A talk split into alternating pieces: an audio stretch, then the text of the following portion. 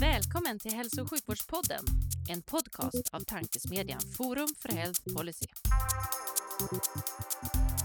I den här podden möts frågor om hur vi kan få bättre hälsa med frågor om vilken politik som krävs. Det kommer bli samtal om personcentrering, ledarskap, digitalisering, organisation, politik och mycket mer.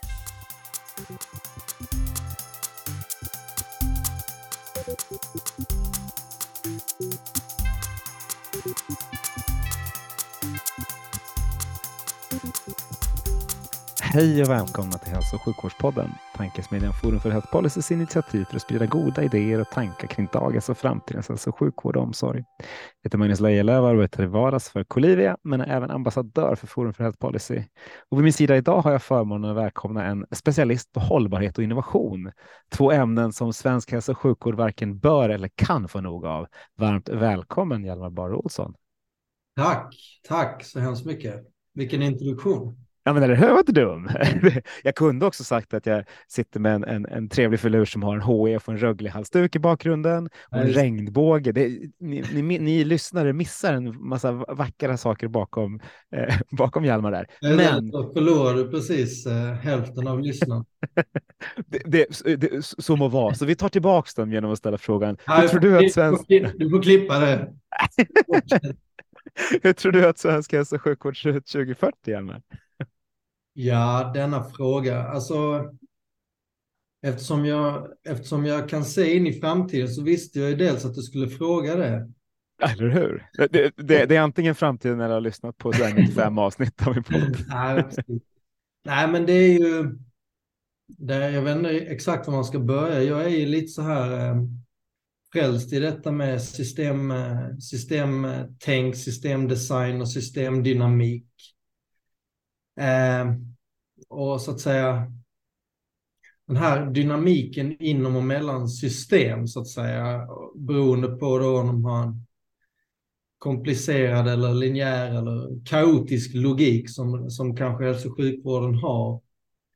Sen är hälso och sjukvården, det består ju av, av eh, ganska många olika delar, olika typer av verksamheter som vill kommer leva sina liv. Men eh, men om man ser då liksom som eh, sjukhus eller ett vård och omsorgsboende som är då del av ett regionalt eller ett då för vård och omsorg ett kommunalt system. Eh, så där skiljer det sig åt och båda de är ju del då av ett större nationellt hälso och sjukvårdssystem. Och det större systemet är ju i sin tur då liksom inte ett homogent system. Utan, och det, så det utvecklas ju inte i ett vakuum utan eh, de här systemen är sammanlänkade med andra större system och eh, en gigantisk väv då av aktörer och processer och förändringar. Så var vi är 2040, det beror ju dels på policyutvecklingen för hälso och sjukvård generellt, men också liksom vad som händer i andra system och på andra policyområden. Um, så eh, eftersom det finns en direkt och indirekt påverkan, liksom både med politiken och prioriteringar, omvärldshändelser och så, så, så, ehm, så eh, är, det ju, är det ju nästan det man får fokusera på. Alltså, man ser att det, kan, det, kan, det sker saker i politiken med populistiska vågor, det kanske är en ny pandemi, vi vet inte exakt vad som händer med kriget eh, i Ukraina. Det kanske är en ekonomisk kollaps, det kan, vi kan se liksom ganska starka klimateffekter liksom av, av krisen och, och sådana olika, olika typer av störningar, och förändringar i det egna och och då liksom kringliggande system eh, som ju är svåra att förutse. Men, men det är viktigt då liksom att bygga kapacitet och motståndskraft just för att hantera liksom här chocker och förändringar i, i systemen. Men, men eh, styrningen av hälso och sjukvård idag då, som många andra sådana här stora kaotiska system, har ju generellt sett ett, ett lite så reaktivt förhållningssätt. Det var dagens understatement. Ja, jo, men precis. Och, och det, det, finns ju god anledning till det. Men, men ehm, det är ju som vi individer också någonstans. Vi brukar inte själva lyckas göra några större förändringar i våra liksom, livsstilar, beteenden förrän vi liksom står precis vid kanten. Och med, med, med stora system som liksom hälso och sjukvård är så behöver man till och med liksom kanske trilla över den där kanten innan, innan det sker en, en, en, en större reaktion och förändring. Och då är det ju inte heller omöjligt att man, så att säga, de reaktionerna slår pendeln lite åt fel håll eller för långt åt andra, åt andra hållet. Vilket i sin tur då skapar någon slags motreaktion som ska hanteras. Så var pendeln står då Eh, 2040 som reaktion på liksom alla utmaningar som vi ser, de, det, det är svårt att säga, men det finns ju vissa det finns ju vissa liksom trender ändå som, som väl går att, att urskönjas och eh, där, där, där gäller väl att ta tag i, i några av de storheterna i alla fall för att försöka i alla fall att styra det lite mer, lite mer proaktivt kan man säga. Vilka trender spanar du mest på? Ja, alltså det, det finns ju, jag jag som sagt, jag tycker mycket om att kolla så här på systemnivå och megatrender och så, men det, det, det mest tydliga, det, det, det lär ju vara en fortsatt väldigt stark utveckling av nya behandlingsformer, medicin och medicinteknik och innovativa lösningar, liksom eh, högt och brett. Eh, och inte minst då för att kunna behandla, monitorera och kommunicera i, för vård i hemmet och, och hemtjänst, olika distanslösningar och så. Och det hänger ju nog ihop då med en, en annan viktig trend och det är ju det här att, eh, att befolkningen blir äldre och äldre. Det är mängder med 40-50-talister som kräver både vård och omsorg. Och i takt med att behandlingen blir bättre och vi blir så säga, bättre och bättre på att tillmötesgå behoven så lever de ju också längre. Mm. Eh, och förlänger liven. Så, samtidigt, så där, där finns liksom en ökade behov och ökad efterfrågan. Samtidigt som det vill, vi lär se en, en, en stor, stor obalans mellan då de behoven och... Hoppsan. Nej, det är inget hoppsan. Det är bara att tuta och köra. Okej. Okay. Jag, jag backar lite då, Magnus, eftersom det lät så mycket här bredvid mig. Ja, för lyssnarna låter det inte så jättemycket alls. Okay. Det, är, det, är nog mest du, det är nog mest du som blir frustrerad. okay. ja, vi har en rockklubb här i trappen som eh, de brukar passa på att tömma glasåtervinningen när vi har möten eller, eller sånt där. Ja, det låter lagen om alltings jävlighet på något vänster. Ja, exakt. Ja. Men fortsätt du, ta vid. Ja, men precis så. Eh, det, det blir liksom en, det blir ett, ett, problem i, i tillgängligheten som vi ju värnar så högt. Va? Och de ökade behoven och ökade efterfrågan eftersom vi ser liksom en, en stor brist på, på vårdpersonal. Eh, SCB tror jag sagt det handlar om ungefär 200 000 eh, personer som kommer saknas i vården framåt 2035 redan. Så.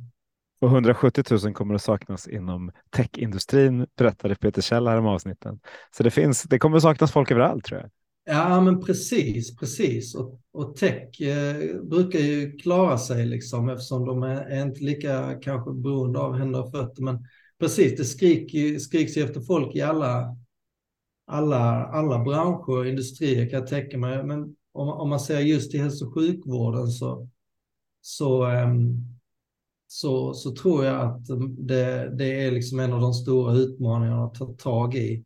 Mm. Um, uh, och, och även om man så att säga radikalt skulle lyckas locka fler ungdomar och vuxna till vårdutbildningar och så, så så, så är det inget realistiskt scenario som säger att vi riktigt kommer ikapp där. Så där behöver man ju titta på, ja, men vad, vad, vad är det för andra områden då? Då är det kanske mer insatser på förebyggande då. På skolan till exempel och satsa på integration. Jag var ju med i ett, eh, eh, ett eh, väldigt intressant integrationsprojekt tillsammans med Arbetsförmedlingen och Ambea Eh, när jag var på ett utbildningsföretag där vi eh, tog fram helt enkelt ett koncept där vi gav eh, nyanlända eh, chansen att få då svensk utbildning och undersköterskeutbildning eh, tillsammans då med handledning, mentorskap på arbetsplatsen. Som, som ett slags nytt sätt att undvika det här med att man först går SFI och sen så någon insats och sen kommer man aldrig in på arbetsmarknaden. Det, det, det finns ju sådana såna sätt att så att säga vända hot till, till faktiska möjligheter. Och då, då pratar man kanske inte renodlat om hälso och sjukvård längre, utan hur olika välfärdstjänster och aktörer kan samverka för att göra någonting åt, eh, göra någonting åt den här obalansen mellan så att säga, behoven, efterfrågan och, eh, och förmågan att, att, att möta alla dem. Så där, där, där finns någonting där man, där man behöver titta liksom på, på nya, nya lösningar. Du ser. Många trådar att dra i där. Det tycker jag är helt underbart. Det gör ju att det här samtalet kan ta vägen precis var som helst. Men för att göra det enkelt för lyssnarna så tänker jag att jag ska fråga dig, förutom att du, du håller på Rögle HF, vad, vem är du Hjalmar och vad, vad har du gjort för att hamna där? Man börjar med det viktigaste först. Ja, precis. Det men det är inte så mycket annat som är intressant. Ja, vem är jag? Ja, um, lång historia då. Jag, eh, jag har ju haft en fot i det här med välfärd och, och hälso och sjukvård kan man säga. Ända, ända sedan jag började min akademiska och yrkesmässiga, yrkesmässiga karriär egentligen. Um, och hållit mig på något sätt där i sammanhang där privat och offentlig sektor möts då. Någon slags hälso och sjukvårdskontext. Så jag är statsvetare i grunden Eh, då fördjupat med förvaltning och konkurrensutsättning inom svensk äldreomsorg. Och där någonstans började min resa i, eh, i först i ett vård och omsorgsbolag eh, som heter Cosmo. Där jag satt med ledningsansvar för marknad och verksamhetsutveckling, upphandling så. Så det var en, en sju år helt galen eh, expansionsresa berg och dalbana bredvid då vd och, och ägarna. Eh, när vi sålde bolaget sen då 2015, eh, tror jag det var, så, så var vi ett av Sveriges fyra, fem största faktiskt i Sverige. Ungefär tusen anställda och så. Oj, ja, det är en resa som heter duga. Ja, verkligen, verkligen. Och under de sista där, två, tre åren så representerar jag också då bolaget inom vårdföretagarna och satt då, eh, trots min ganska ringa ålder, eh, med i styrelsen för bransch äldreomsorg också. Så hela, hela den eh, resan under, så att säga, mitten på, eller så här, tidigt mitten på 2000-talet, eh, när det också var liksom väldigt eh, väldigt infekterad politisk debatt om, om alternativ i, i äldreomsorgen så var det en, en um, intressant erfarenhet och fick ju verkligen då stenkoll på vård och omsorg, så hur den ser ut i verkligheten. Ja. Allt från policy och politik till hur man sköter bemötande av dementa i, i omsorgen. Men, men, eh, men, men, eh, ja precis. Sen, sen gick jag då i slutet på min tid där på Cosmos så gick jag en halvårsutbildning i företagsledning då på Handels. Eh, IFL-utbildning hette det, då, hette det då, nu tror jag det heter något annat. Ehm, I samband med sen att vi blev uppköpta så, så bestämde jag mig för att bredda och fördjupa mig i att driva och leda organisationer och tog en eh, fulltids-MBA i Köpenhamn. Och de hade en explicit hållbarhetsinriktning som var integrerad i hela MBA-programmet. Och eh, så där och då förstod jag att det jag faktiskt hade arbetat med och, och ville eh, arbeta med framöver var just liksom, strategiskt hållbarhetsarbete i då, en slags välfärdskontext. Mm. Så ända sedan dess egentligen så har jag jobbat som konsult, projektledare, rådgivare, innovationsledare för bland annat då eh, UN Environment och eh, det här utbildningsföretaget som jag nämnde, Consensum. och eh, Innovation Skåne, Region Skånes eh, innovationsbolag. Kopplat då till massa olika typer av utvecklingsprojekt för hållbarhet, offentlig upphandling, integration, hälsa och kvalitetsfrågor och så. Men allt så att säga kopplat till våra liksom, gemensamma samhälls och välfärdstjänster. Så parallellt med det så har jag också eh, lagt rätt mycket tid och engagemang på standardiseringsarbetet eh, via SIS. Så jag har suttit med i, eh, i både svenska och europeiska tekniska kommittéer för bland annat hållbarhet eller då socialt ansvarstagande och offentlig upphandling. Förlåt, det var en lång dragning Magnus, men... Eh, det var en väldigt viktig dragning också. Ja, precis. Men om, vi, om, vi, om vi, vi, vi hoppar in i två av de där direkt. Eh, vi kan börja med standardisering eftersom du, du liksom avslutade med det. Eh, standardisering är för mig bland det viktigaste vi har just nu i svensk hälso och sjukvård att få till, få till standarder för saker och ting och det är bland det torraste och tråkigaste. Eh, hur, hur gör man det? Eh, och jag säger det med all kärlek. Hur gör man det roligare och liksom att, att fler ska förstå vikten av det? Ja, så bra fråga. För en del, när, när man säger, när man nämner standarder och sånt så tänker folk direkt på eh, kvalitetsledningssystem, liksom ISO 9001 och det är inte, det är ju inte supersexigt. Jag, min erfarenhet från, från att ha kontakt med vården och omsorgen då, det är att det är inte jättemånga medarbetare som, som tycker det är supergivande att använda ett ledningssystem i det dagliga. Men så det, det, det, det är ju så man ofta brukar se på det, men jag tror det finns, man underskattar, man pratar, vi pratar ju ofta om innovation och så att säga nyskapande, nytänkande och så, men, men mycket av den, de, den god praxis som redan finns eh, borde ju på något sätt vara första steget att gå liksom, mot en förbättring och förändring och, och standardisering eh, och de standarder man tar fram är just en produ produkt av god praxis från olika aktörer, olika, eh, olika länder och så, så där som har kommit fram till att nej, men detta är bäst sätt att hantera någonting på som en grund, grund, grundplatta. Att sen så att säga utveckla någon, någonting eget utifrån.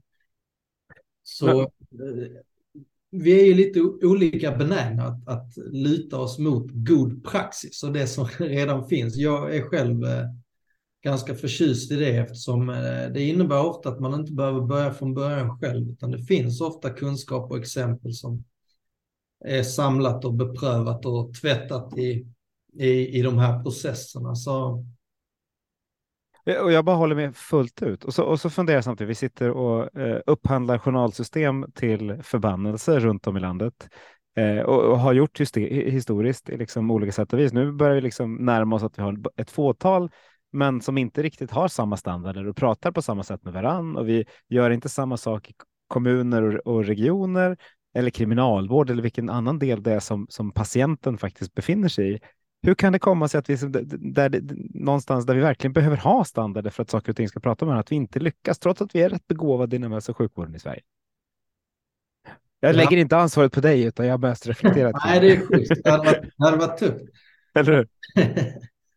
Nej, men du är inne på någonting här som nog handlar liksom om liksom den nuvarande logiken och strukturen för styrning och ledning av hälso och sjukvården generellt. Att att eh, oavsett om vi pratar liksom eh, upphandling av dokumentationssystem eller, eller någon, annan, någon annan upphandling eller större projekt eller initiativ för att utveckla innova, innovation eller vad det nu kan vara. Det blir väldigt fragmenterat när vi har den här eh, strukturen med 290 kommuner och 21 regioner och så har vi någon slags policynivå på, på nationellt plan också där finns så att säga en mandat och ansvarsfördelning neråt sen i, i verksamheterna också. Så att det är många lager som inte liksom eh, pratar så mycket med varann. Och då är det väldigt svårt att få gjort eh, samma saker på samma sätt. man ser till exempel på, på hållbarhetsområdet nu då, man kan se till exempel då som eh, Greener NHS i, i UK som har en mer toppstyrd eh, styrning som kan ta beslut om klimatlagstiftning specifikt för hälso och sjukvård och på något sätt liksom pressa ner det i, i systemet. Tyskland är ju likadant och, och eh, Norge är ju också ett, ett, exempel på något sätt där man kan liksom kravställa att nej men nu ska alla verksamheter jobba utifrån eh, ISO 14001.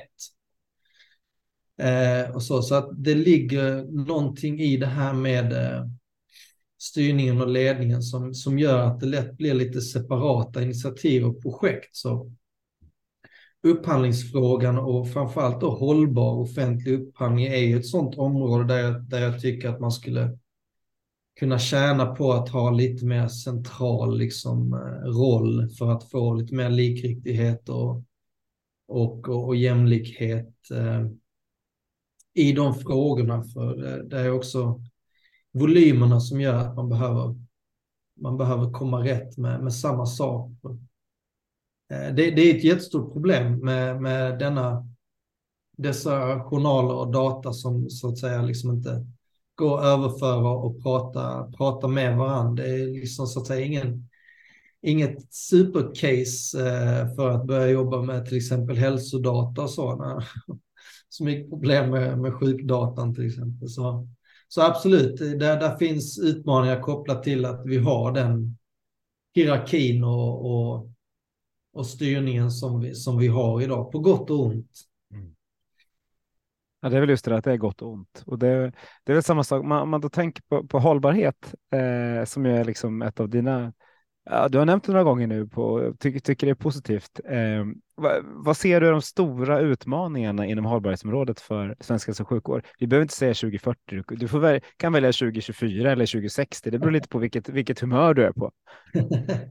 ja, ja jag tror utmaningarna är liksom är eh, inte så beroende på tidsperspektivet känner jag, men man kan väl egentligen säga att eh, man brukar ju prata om de här olika dimensioner av hållbarhet.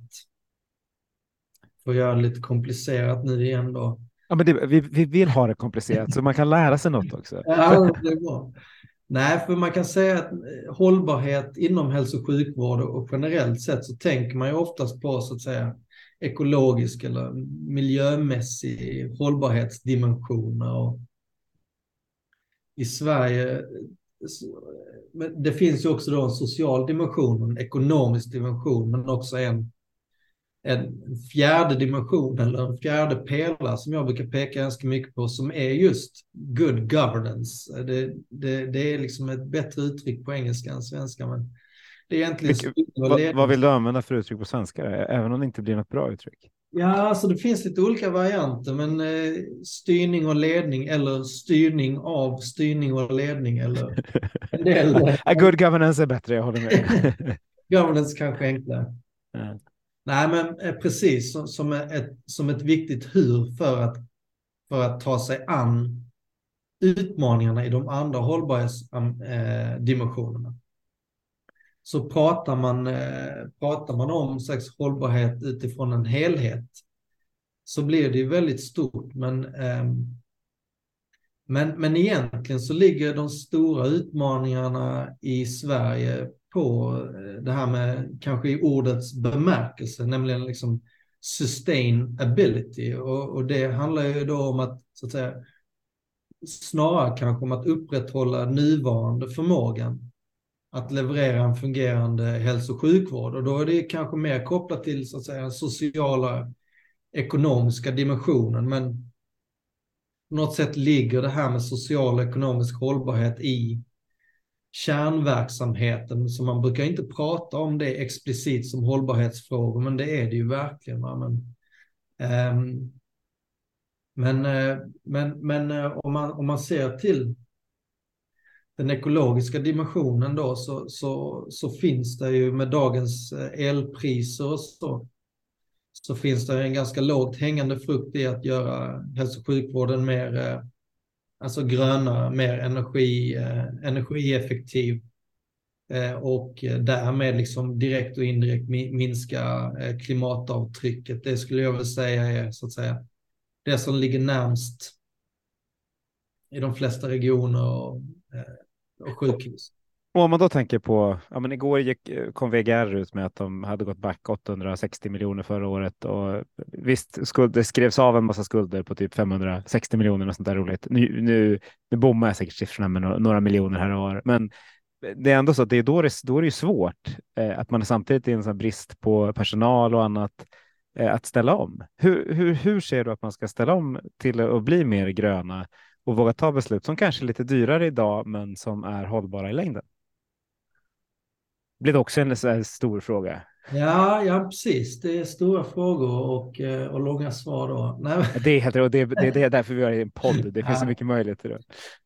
Nej, men alltså, du, du, du har en poäng här som, som jag var lite inne på nu precis då med det här med att vidmakthålla någon slags nivå som vi står för och som vi är vana vid och som omvärlden eh, tittar på Sverige och säger att de har detta och detta. Men mm. Men, men nu om man ser då 19 av 21 regioner som, som går back. Eh, eh, det är väl 90 procent av regionerna då som går back i princip varje år. Och bara här i Region Skåne där, där, där jag sitter så, så gick man back nu 20, 2022 med ungefär en och en halv miljard. Mm. Och det har ju varit en speciell tid nu, men det här är ju inget nytt. Så någonstans så för mig är det ett tydligt tecken på att då är det någonting som, liksom, som, inte, som inte är riktigt rätt. Man säger hälso och sjukvården som står för, jag vet inte exakt, men jag tror det är runt 11-12 procent av BNP. Mm. Det är enorma summor. Vi har liksom en, en, en solidarisk skattefinansiering som, som på något sätt behöver se över liksom dels hur man, hur man hur man eh, fördelar och hanterar alla dessa pengar.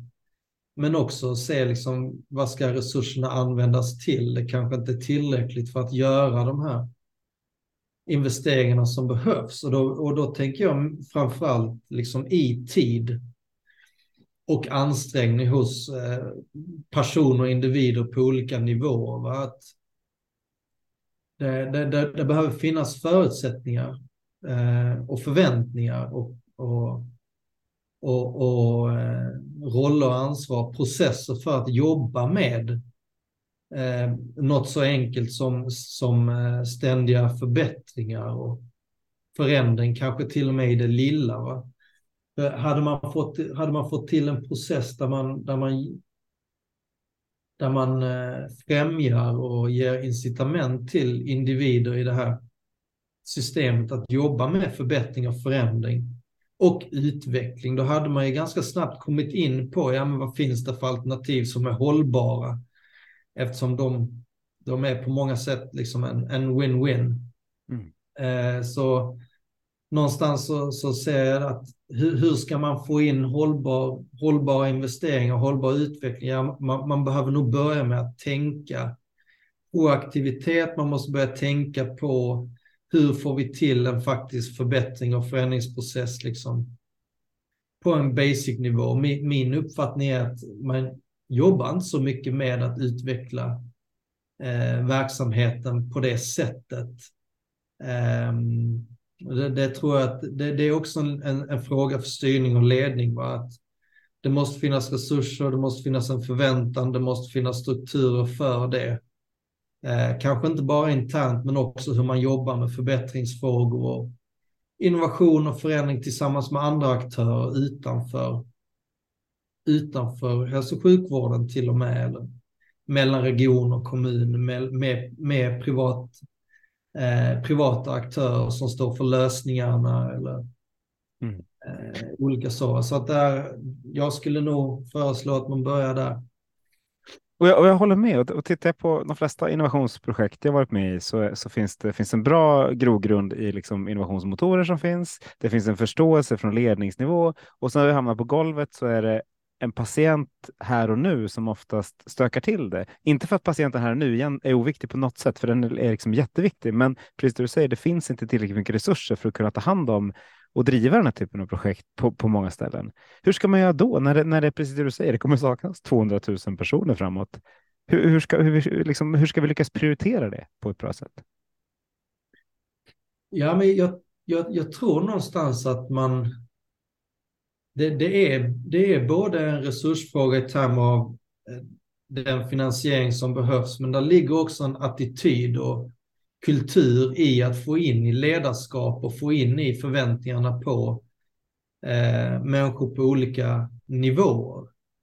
Mm. Eh, medarbetare, alltså den enskilda undersköterskan eller sjuksköterskan eller läkaren eh, kanske inte kan vara involverad i alla, all strategisk eh, liksom, utveckling, men det, det, är en viktig, det min erfarenhet liksom av att ha jobbat liksom med utvecklingsfrågor i, i ett bolag och, och, och har gjort mycket utbildning och sånt, det är ju att hållbarhet är en ganska stark motivationskraft för många.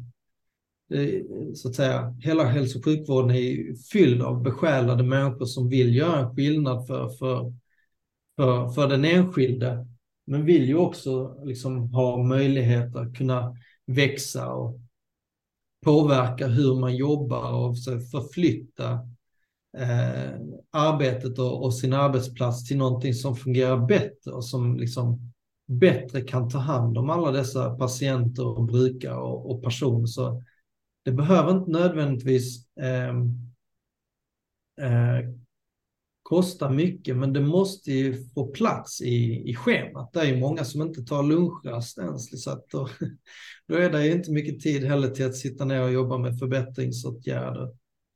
Och man kan säga, man säger, den stora delen av besluten som tas är, görs ju i verksamheterna på golvet och då, då måste det finnas förväntningar men också förutsättningar på att man kan ta liksom genomtänkta och kloka beslut i vardagen.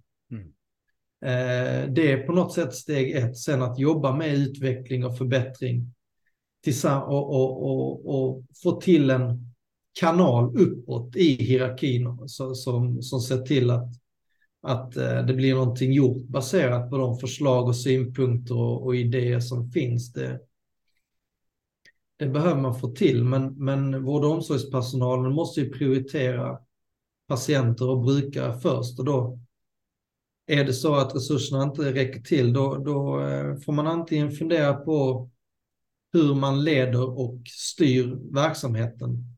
Eller så får man ju skjuta till eh, mer resurser och då eh, lite det jag är inne på när det gäller så att säga finansieringen för att göra någonting åt de här stora utmaningarna så behöver man ta ett helhetsgrepp tror jag nationellt för att det är, det är, det är så mycket regionpolitik i detta som på något sätt styr budget som eh, kan spreta åt så väldigt många olika håll beroende på vem som, vem som sitter där just nu.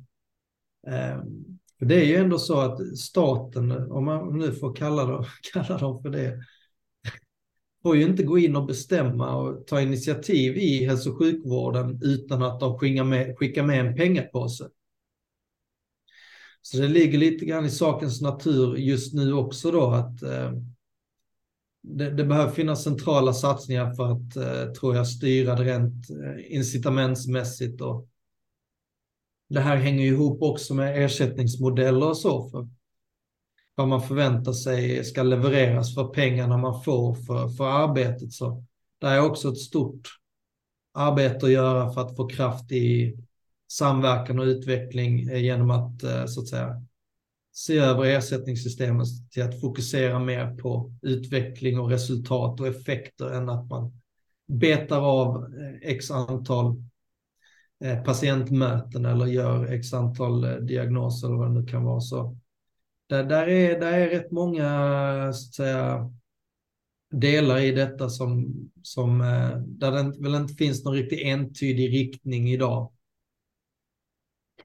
Absolut inte, men du bollade upp till två, två frågor som du ska få ta en i taget här. Den första är vilka områden ska styras statligt då? Och den andra är hur ser det perfekta ersättningssystemet ut för primärvård? Ja. Du får välja vilken du vill börja med, för det är två, två små nätta saker. Tänker jag. Ja, verkligen. Alltså jag tror att um, min erfarenhet i alla fall det är att när man ser på att få till så att säga välfungerande verksamheter och, och välmående bland, bland personal och så, så hjälper det inte att ha en arbetsgivare som sitter liksom i Stockholm till exempel. Utan det finns fortfarande så att säga frågor kopplat till eh, de enskildas förutsättningar då, både medarbetare men också patienter och brukare som behöver vara mer regionalt eller lokalt, kanske ännu mer lokalt i, i vissa fall. Så den biten tror jag liksom inte gynnas så mycket av att man centraliserar eh, ledarskapet. Däremot så frågor som vi varit inne på nu, alltså strategisk utveckling, eh, upphandling, eh, inriktning för så att säga vad välfärden lite brett ska, ska ta vägen. Jag kan sakna en så att säga sammanhängande bild av hur ska eh, hälsa, utbildning, integration och de olika delarna i det samverka för att på något sätt ta kliv framåt eftersom de hänger ihop. Så, eh, pratar man om att, så att säga, styra om från då det sjuka, från, från det sjuka till att jobba med frisk och risk, så mer prevention och hälsa då tror jag att det behöver styras. Eh, det skulle behöva ledas liksom centralt för att få en samstämmighet och en, geme, en, en gemensam riktning i det för att det ska få liksom rejäl impact, tror jag. Mm. Um, uh, och finansieringen då. Precis. Den andra lilla Netta, jag har ställt frågan till ganska många här och det är mm. många som tycker att den är svår att svara på och inte svara riktigt samma sak. Så det tänker ja. bara, hur, hur tänker du? För du har en annan hatt lite. Kring vad sa du? Förlåt. Kring ersättningssystem. Hur, hur skulle du vilja finansiera? Liksom, ja. hur, skulle du vilja, hur skulle du vilja ersätta? För det är, det är ju enklast att ersätta på liksom pinnar och kottar och antal patienter och möten och så där. Men hur, hur skulle du vilja ersätta, ersätta hälso och sjukvården? Ja, det är, det är ingen enkel, det är ingen enkel fråga. Det är sagt Nej, jag jobbar inte med enkla frågor. Vet du. Nej, men problemet är ju om man ser då till um, att styra om mot eh, en mer resultatsbaserad ersättningsmodell innebär att du måste liksom ha koll på, du måste ju, du måste ju ha data, du måste få data på att det du gör får en effekt som kanske infaller långt efter och kanske infaller någon helt annanstans. Och idag så eh, jobbar vi inte med att titta på resultat riktigt på samma sätt. Dels för att det är mycket svårare att mäta och dels att den kanske som sagt liksom uppstår, resultaten uppstår någon annanstans. Och, om man pratar hälsa så är det ju så otroligt brett. Eh, och att då, att då definiera liksom också de här mjuka värdena och kunna kvantifiera det för att översätta det i timmar eller pengar och kronor eller vad det nu kan vara. Eh, där finns inget enkelt svar på det, Antet, att om, om man börjar styra och mäta mer på resultat så kan man sen också få in det mer i, eh, i, i ersättningssystemen. Men det finns ju exempel, jag kommer ihåg när, när ett, ett arbete som jag gjorde när jag satt eh, eh och jobbade i en arbetsgrupp på eh, eh, Vårdföretagarna var ju att titta till exempel på eh, ersättningssystem för, eh, för eh, förbättring just och utveckling eller effektivisering inom ramen för ett pågående avtal, ett kontrakt. Mm.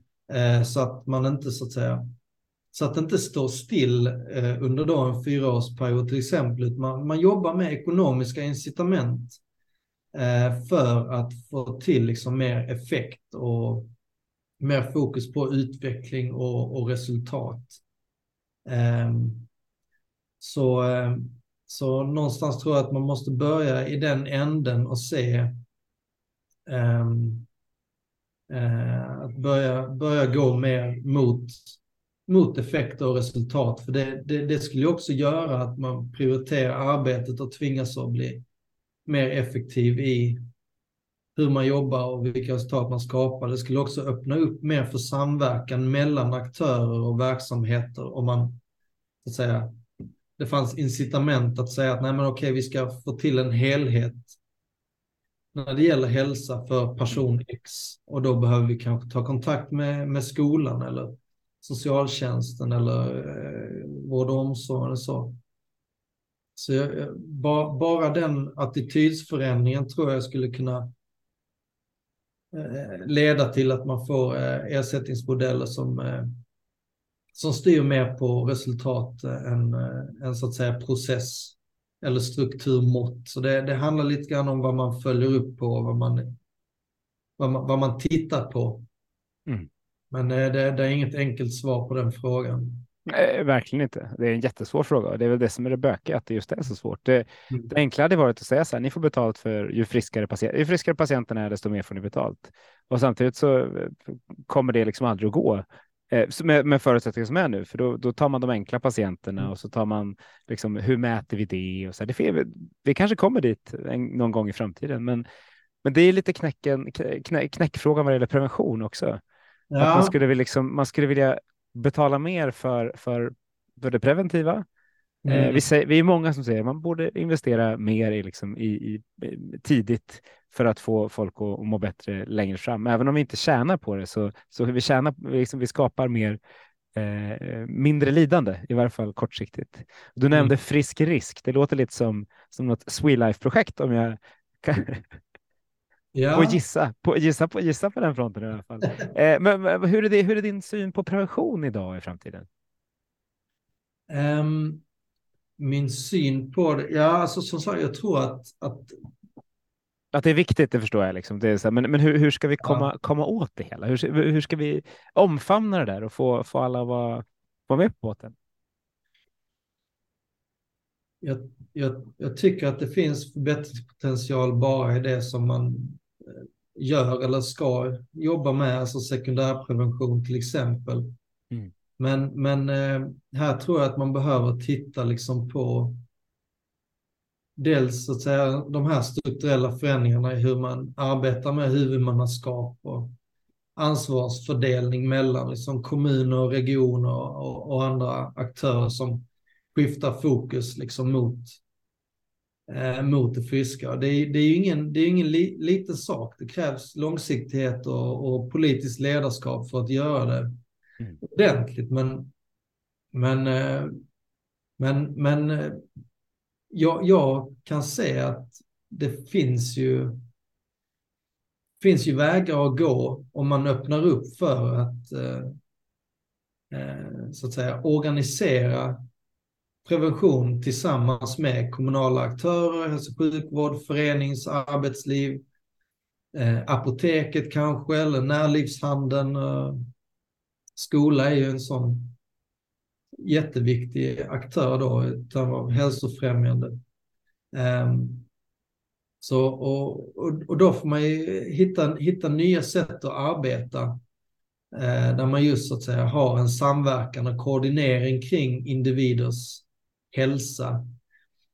Det finns ju exempel eh, så här som Kaiser Permanente till exempel, men också andra typer som Burzorg eh, som i Holland som jobbar liksom mer områdesspecifikt med helheten eh, kring individer. Och, och, och, man har jobbat mycket på detta sätt när det gäller eh, förebyggande av kriminalitet och sånt, till exempel i Skottland och Nya Zeeland och så. Men så det, det, det är dels en strukturell fråga kopplat till eh, så att säga, vem har mandat, ansvar eh, för att ta ett större ansvar och ledarskap i det. Så finns det lagar och regleringar som sätter lite, lite käppar i hjulet också. Men det är också en finansieringsfråga, så vi kommer tillbaka till det här liksom med ersättningsproblematiken så att säga. Men det, det, behöver finnas tydliga mandat och ansvar för att jobba över sektorer och över säg, organisationsgränser med alla möjliga relevanta hälsoaktörer som och så. Så här, här finns ju också så att säga mycket att jobba med, men också en del bristande kunskap. Ja, men precis, för de exemplen du lyfter eh, handlar ju om pengar, även om det inte är det du lyfter, så mm. är det ju mm. att de har en, det finns ett incitament för att faktiskt utföra det preventiva oavsett om det är fängelser i Skottland eller om det är liksom Kaiser Permanente där man jobbar med, med allt från unga till de som inte har boenden. Mm. Eh, men om tittar man i Sverige, som, ja, vi har hälsoobligationen som Region Stockholm har liksom mm. jobbat med, vilket ju är skithäftigt på många sätt. Mm. Eh, lyssna gärna på Fredrik Söder i avsnitt nummer 26 för er som inte har gjort det. Eh, men, men det har liksom det, det, har inte levt vidare, eller det, det, det lever ju vidare eh, med all önskvärd tydlighet i Stockholm, men finns det, varför händer det inte snabbare när man ser att det finns effekt av liksom externt kapital eller att bryta lite silos? Ja, alltså dels så tror jag Dels så tror jag som sagt att det kanske liksom inte finns tillräckligt starka förväntningar på att att, att jobba med hälsovård som är delen av hälso och sjukvård. Det blir liksom mycket fokus på, på det sjuka. Men, men hur, hur kan ni inte göra det? Vi patienter har ju ett jättefokus på det. Det är det enda jag och mina polare pratar om. är ju liksom, nu är inte vi dunderpatienter än så länge, men vi är inte så långt bort. Nej, eh, och, vi, och, då, och, då, pratas det hälsa och vi pratar liksom före, förebyggande och träning och mat och, mm. och allt. Ja, sen när man blir sjuk så, så undrar man varför man gnällde innan. Liksom. Då handlar allt om att bli frisk. Ja, men exakt. Det handlar mer närliggande exempel då, som det här med liksom, fysisk aktivitet på recept och sånt. Ja. Eh, som ju finns redan etablerat, men det, det, används, det används ju knappt överhuvudtaget. Det finns ju andra, annan metod, det här med SIPPA, samlad individuell planering då där socialtjänst och sjukvårdens insatser då ska samverka. Och det, det fördes in både i socialtjänstlag och hälso och sjukvårdslagen för eh, över tio år sedan. Mm. Där, där man liksom just ska samverka eh, kring pågående och, eh, och eh, planerade vård och omsorgsinsatser. Det är inte bara för, för äldre människor, vilket vissa tror, utan det är för alla typer av individer, alla vård och omsorgsbehov egentligen. Just för att få en bättre samsyn kring hur får vi till en helhet som fungerar i den här djungeln av liksom kontakter i olika länkar i den här vårdkedjan. Så där, där finns ju exempel som, som inte är lika radikala som att, så att säga, ta efter Kaiser Permanente. Och där finns finns alltså till att jobba på detta som, som, eh, som vi pratar om, bland annat i det här eh, Swelife-projektet som du nämnde här, prevention barnfetma. Som...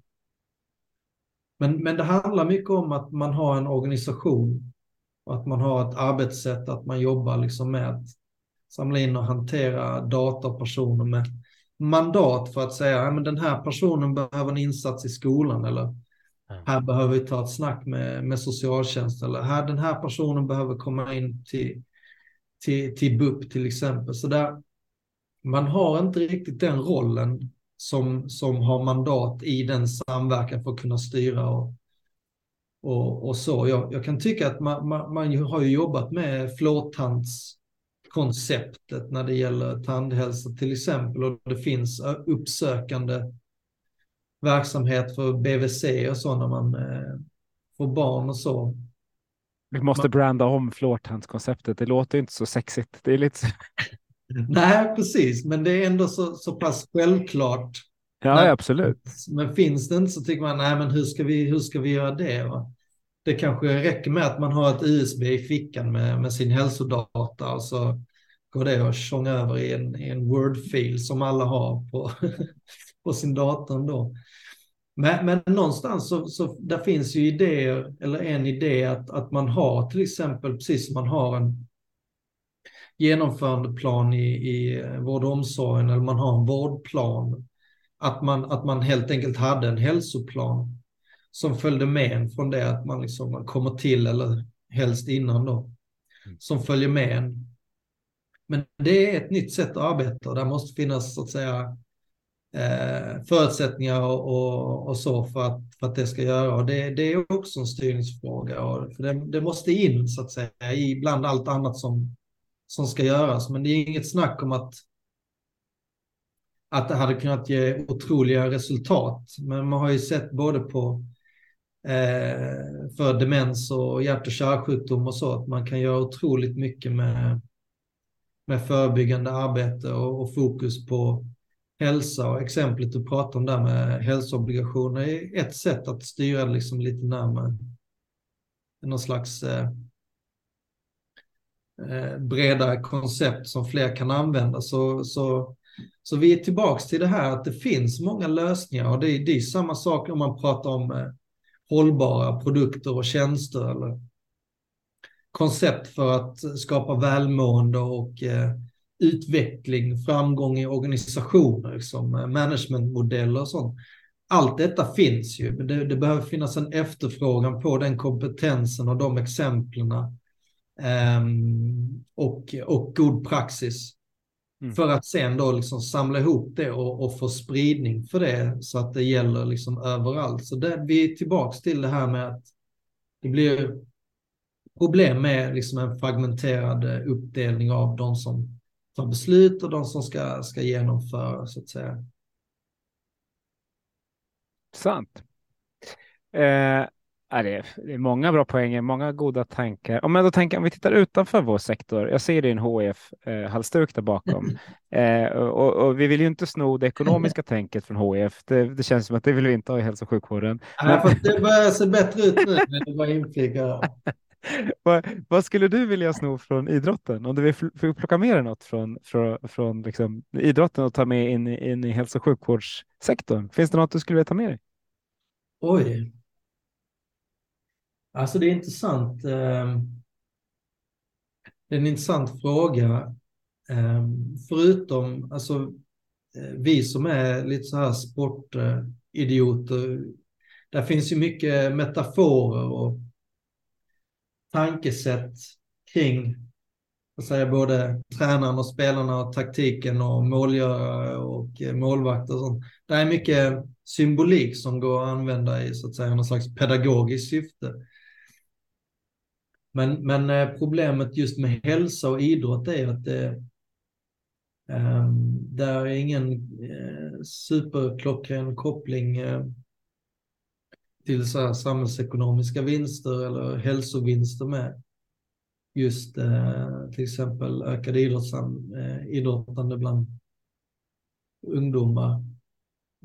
en liten, men den största, största största insatsen som föreningarna kan göra det är ju att hjälpa unga in i fortsatta studier och, eh, och arbete. Mm. Eh, men i övrigt, eh, hur kan det influera hälso och sjukvården? Jag vet. Ja, men vissa, vissa pratar om så lagkänsla, vissa pratar om vinnarmentalitet. Mm. Det finns liksom ett, på tal om metaforer så finns det sådana saker också. Det var mest en tanke.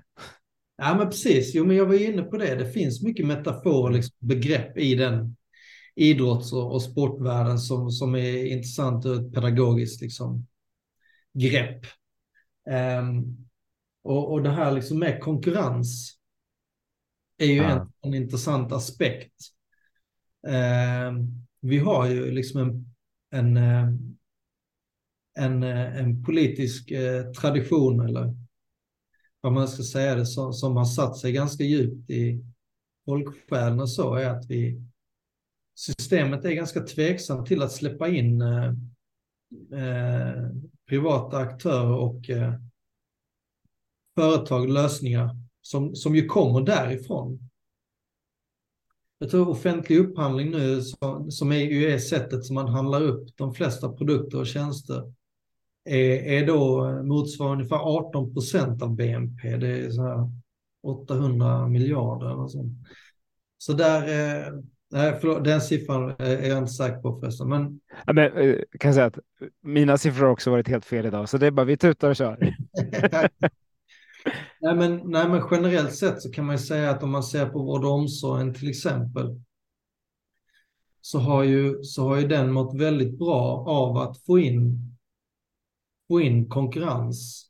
Mm. eh, mellan, mellan företag och mellan så att säga privat och offentligt driven vård och omsorg. Oavsett vad man så att säga tycker om, eh, om det så, så är det ju så en, en klockren effekt av att man, man får in ett incitament som handlar om att du, du, du, måste, du måste prestera, annars finns någon annan som kan göra det billigare och, och bättre. Mm. Den delen av sporten är, är intressant, för folk, gemene man, eh, tycker ju om det här med att tävla och konkurrera och, och vinna, alltså fira vinster och, och säga, det finns positiva aspekter i det, eh, att skapa skapa attityder och skapa en, en, en, känsla av samhörighet och så. För att så att säga bli bäst. Men, men, eh, men, men så, så är vi också lite försiktiga med att eh, bjuda upp till kamp för vi, vi är rädda för vad det kan innebära för de som så att säga förlorar. Men, men, men just, just att få in, eh, jag menar om man ser på eh, hur det ser ut i primärvård och bland eh, eh, vårdcentraler och så. Mm. Hur det ser ut kring kostnader och vad man levererar i termer av kvalitet och resultat. Och samma sak i eh, så att säga, en privat drivna vård och omsorg. Om man tittar på kostnader och kvalitet där så är det inget snack om att, att, att, de, att det tillför väldigt mycket. Så just, just, just eh, konkurrensdelen som incitament för att driva utveckling tror jag, tror jag liksom är relevant att titta på i, i ett svenskt perspektiv. Men det är väl bara en 8 eller 9 procent av den slutna vården som, som drivs av, av privata aktörer. Så där har man inte riktigt samma press. Men, eh, men det, det, det är också en sån fråga. Där finns otroligt mycket både när det gäller så att säga, hållbara produkter och tjänster. Ehm, men också modeller för hur jobbar man liksom effektivt med att få en välfungerande och framgångsrik organisation. Hur jobbar man med HR? Hur jobbar man med strategi? Hur jobbar man med kompetensutveckling? Ehm, hur jobbar man med förändring och risker och intressenthantering? Och allt sånt här va, som ju är, som ju är ehm, en överlevnadsfaktor för många liksom, stora bolag eh, så jag tror det är mycket där också, i att eh, det är tänk och redskap och metoder som man skulle ha nytta av att få in i så att säga det systemet och, och, och välfärden för att bli lite mer, vad ska man säga, strategiska. Mm. Ja, bra tankar. Och det är som sagt, jag, jag tycker bara det är bra att vi reflekterar vad som händer utanför vården. Som du sa, det är ju liksom, allting hänger ihop. Det är ett rätt komplext system, men vi pratar ändå väldigt mycket om sjukvården som en isolerad händelse, men den är ju inte så jätteisolerad. Nej. vi, vi är ju både patienter och medarbetare och privata oavsett om vi gillar idrott eller något annat. Mm. Mm. Du, du Janne, vi har pratat en timme ungefär nu. Oj. Hur visst är det? Oj, det kände jag också. Herregud vad tiden går. Eh, vad, när du kom in i det här digitala rummet, var det något du kände att så det här jag, hade jag velat nämna eller prata om som jag inte har lyft? Nej, alltså där, där finns ju så otroligt mycket i detta med, eh, så att säga, om man ser på, på det som jag jobbar mycket med just nu som handlar om säga, hur man får en mer hållbar hälso och sjukvård. Eh, nu har jag liksom har kommit in mycket på det sociala och ekonomiska i det och kärnuppdraget i att så att säga kunna hantera människors behov och, och så. Men där, där finns ju väldigt mycket att säga kring hur man så att säga eh, blir mer, mer konkreta och eh, framåt i drivet för Sverige för att behålla sin, sin eh, renommé som ett, håll, eh, som ett land med väldigt hög, hög, hög eh, position när det gäller hållbarhet i hälso och sjukvården. Men vill du säga något om det så är det bara att tuta köra. Det är ju en, vi, har, vi har ju ingen, ingen hard stop, det är bara att folk brukar tycka en timme är ganska lagom. ja, precis. Nej, vi ska kanske inte liksom eh, utöka allt för mycket. Men, men där, där, finns ju, där finns ju hur mycket som helst kopplat till eh, kopplat till framförallt liksom miljömässig och då ekologisk eh, hållbarhet där Sverige har en väldigt eh, framskjuten position och har haft det liksom historiskt. Eh, och det finns ju mängder av anledningar till det. Bland annat så har vi liksom alla grundförutsättningar på plats.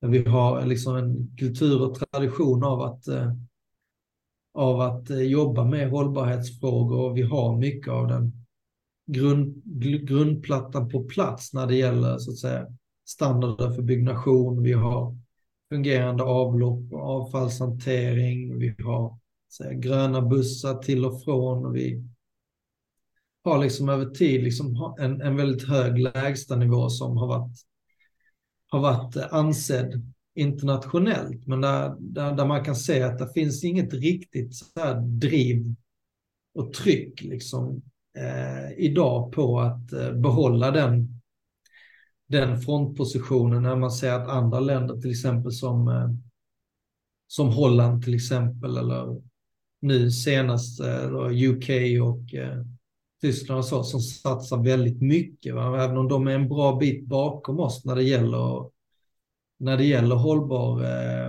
eh, sjukvård så, så gasar man mycket mer. Men, men många av, av produkterna och de gröna produkterna och lösningarna, eh, eh, kunskapen, eh, god praxis och, och, och, förutsättningarna finns, finns på plats. Jag skulle liksom, skulle liksom eh, vilja se att, att om man gjorde hållbar hälso och sjukvård till ett strategiskt område så skulle det kunna vara till gagn både för oss själva och för att kunna liksom få en positiv påverkan eh, internationellt. Så det är verkligen ett område där det finns eh, mycket att göra utan någon, eh, utan, av, utan någon superstor eh, omställning eh, på det sättet. Och ett viktigt område att göra saker på. Ja, det är ju ja. det. Vi sitter i skiten lite grann. Så om man säger hälso och sjukvården globalt står för ungefär 4,5 procent av globala, globala CO2-utsläppen. Så är det ju verkligen eh, så att säga viktigt för, för hälso och sjukvården både att förstå hur, hur hur eh, klimatkrisen påverkar oss, men också hur hälso och sjukvården så att säga kan göra någonting åt sitt negativa klimatavtryck i detta. Mm. Så det är liksom två delar av det myntet där man väl får um, där man lätt kan göra mycket. Och, och det gör man ju särskilt i, i, i, takt med att man bygger nya sjukhus till exempel så um, finns det liksom ingen, ingen idé med att bygga bruna sjukhus, utan då, då, blir de ju gröna. Men man skulle kunna göra mer för att pusha så att säga den profilen och för att få det som en, som en tydlig inriktning och vara i frontledet eh, i de här sammanhangen som vi är med i då internationellt att eh, fortsätta vara eh, ett starkt, starkt namn tillsammans med de andra nordiska länderna som, som också ligger långt framme. Mm. Men det tar vi som, som jättebra sista ord då, tänker jag, Elmar. Och då tackar jag dig varmast för att du var med i Hälso och sjukvårdspodden. Tack, tack så hemskt mycket. Det var jättekul. Så får vi gå ut och förändra svensk hälso och sjukvård till lite grönare och lite bättre helt enkelt. Absolut. Bra. Ha det fint.